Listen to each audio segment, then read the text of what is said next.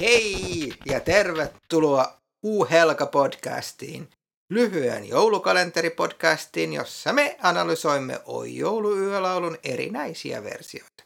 Mun nimi on Tomi. Ja minä olen Johanna. Eikä me olla muusikoita, eikä me olla musiikkitietäjiä, mutta se ei tietenkään estä meitä esittämästä erinäisiä mielipiteitä tästä laulusta. Suosittelemme, että nyt, ennen kuin aloitetaan, pistät jakson paussille ja menet meidän nettisivuille ohelka.blog, josta löydät linkit päivän versioon. Ja sitten avataan luukku kymppi. Hej och välkomna till podcasten O helga, en liten kvart där vi analyserar olika versioner av sången O helga natt. Jag heter Johanna. Och jag heter Tommy. Vi är förvisso varken musiker eller musikvetare, men det hindrar förstås inte oss från att ha en massa åsikter om sången. Vi rekommenderar att du nu pausar det här poddavsnittet och går in på vår blogg ohelga.blogg där vi har lagt ut länkar till dagens version. Så kan du lyssna på den där. Sen öppnar vi lucka 10.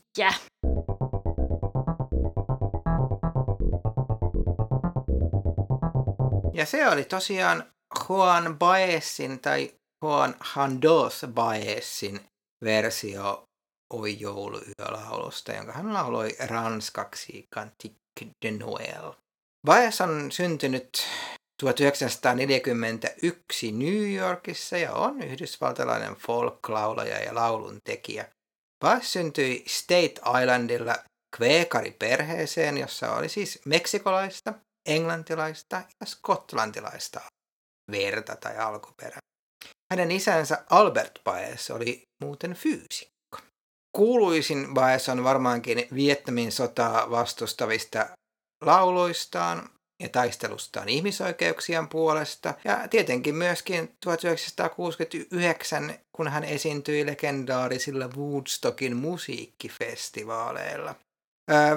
Sitten tietenkin erityisesti kappale We Shall Overcome tuli kuuluisaksi Baezin esityksestä Martin Luther Kingin marssilla Washingtonissa.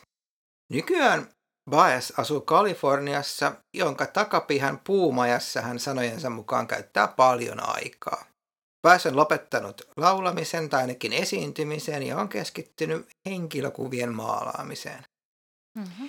Baezilla on myös tällainen niin kuin hieman dramaattisempi joulukokemus, josta hän kertoo vuonna 1973 ilmestyneessä albumissaan Where Are You Now, My Son – jossa tämän albumin B-puolella tämä kappale 23-minuuttinen kappale Where Are You Now My Son kertoo Baesin matkasta Hanoihin jouluna 1972, jossa hän ja hänen koko seurue joutui e, siihen, siihen alueelle kohdistuvien pommitusten alle, Oida. jotka kesti tosiaan 11 päivää. Osh, onnellista kuitenkin Baesille ja hänen joukolleen he selvisivät tästä, mutta mm. oli varmasti hirveä kokemus. No, hypätään siitä nyt sitten Baesin versioon jouluyöstä. Mitä mieltä olit? Um, innan jag säger det, så jag tänkte säga ännu, visst är det hon som också har gjort en fin version av den här Finlandia? Kyllä, ja. ja Hän on laulanut Finlandian tosi hieno versio. Ja.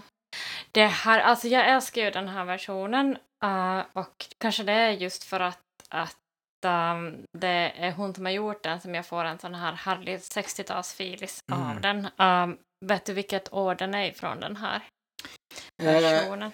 Eh, on vuodelta 66. Ja, ja, jag får en sån här härlig 60-talskänsla från den och kanske det är för att hon uh, sjunger på franska också som mm. jag får sån här chanson.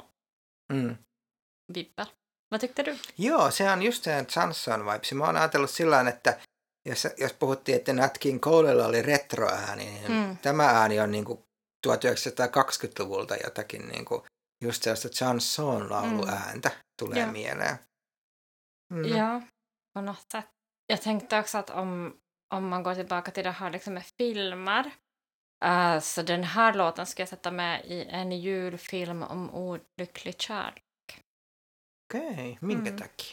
Den låter så. Ja, jag tycker den passar. Det är liksom en, eh, en kvinna som går genom stan och Mm. är olycklig och ska Mm. gå hem till, sitt, Ja. till sin ensamma vindsvåning Mm. i Paris. Och förstås kommer det att dyka upp någon på slutet av den här Mm. filmen.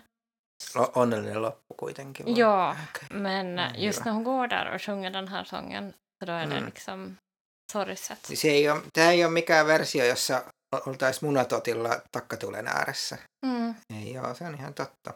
Mm. Sitten se on, tykkään kanssa tosi paljon äänestä, Vaesin äänestä tosi puhdas, mutta tosi mielenkiintoista just, jos eilen oli Karita Mattila, niin, Mm. niin tässä tietysti ero, että ei, ole- hän ei ole oopperalaulaja, mutta eri tavalla niin kuin kirkas ja tällainen Mm. niin kuin puhdas ääni ja muuta.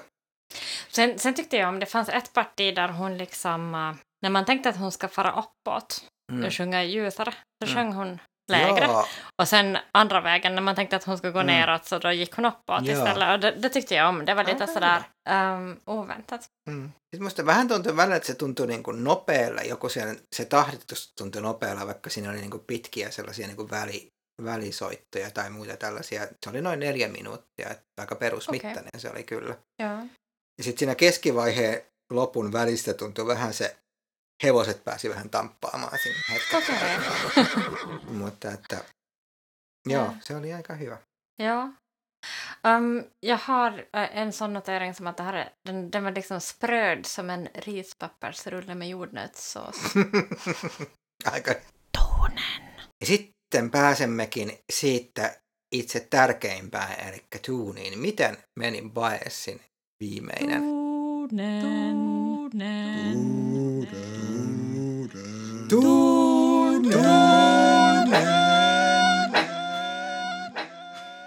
Jag tycker Baes klarar tonen jättebra. Vad tycker du?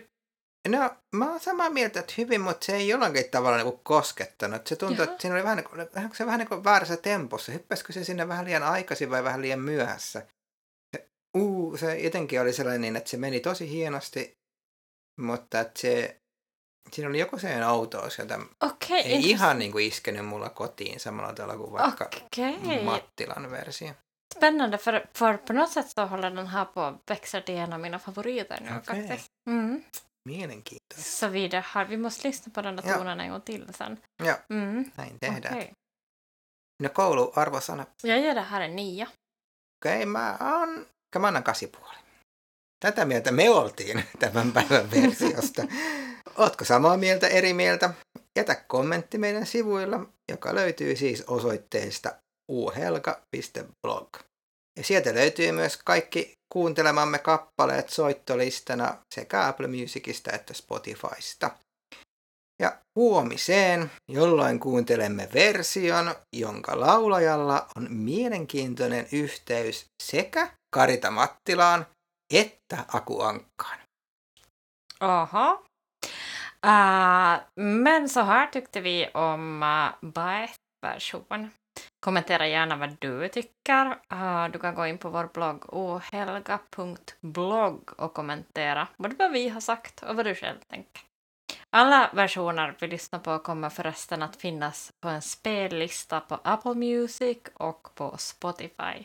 Vi hörs imorgon då det blir en version av en person som har en intressant koppling både till Karita Mattila och till Kalle Anka. Hej då! Hej då! Moi moi! Moi moi!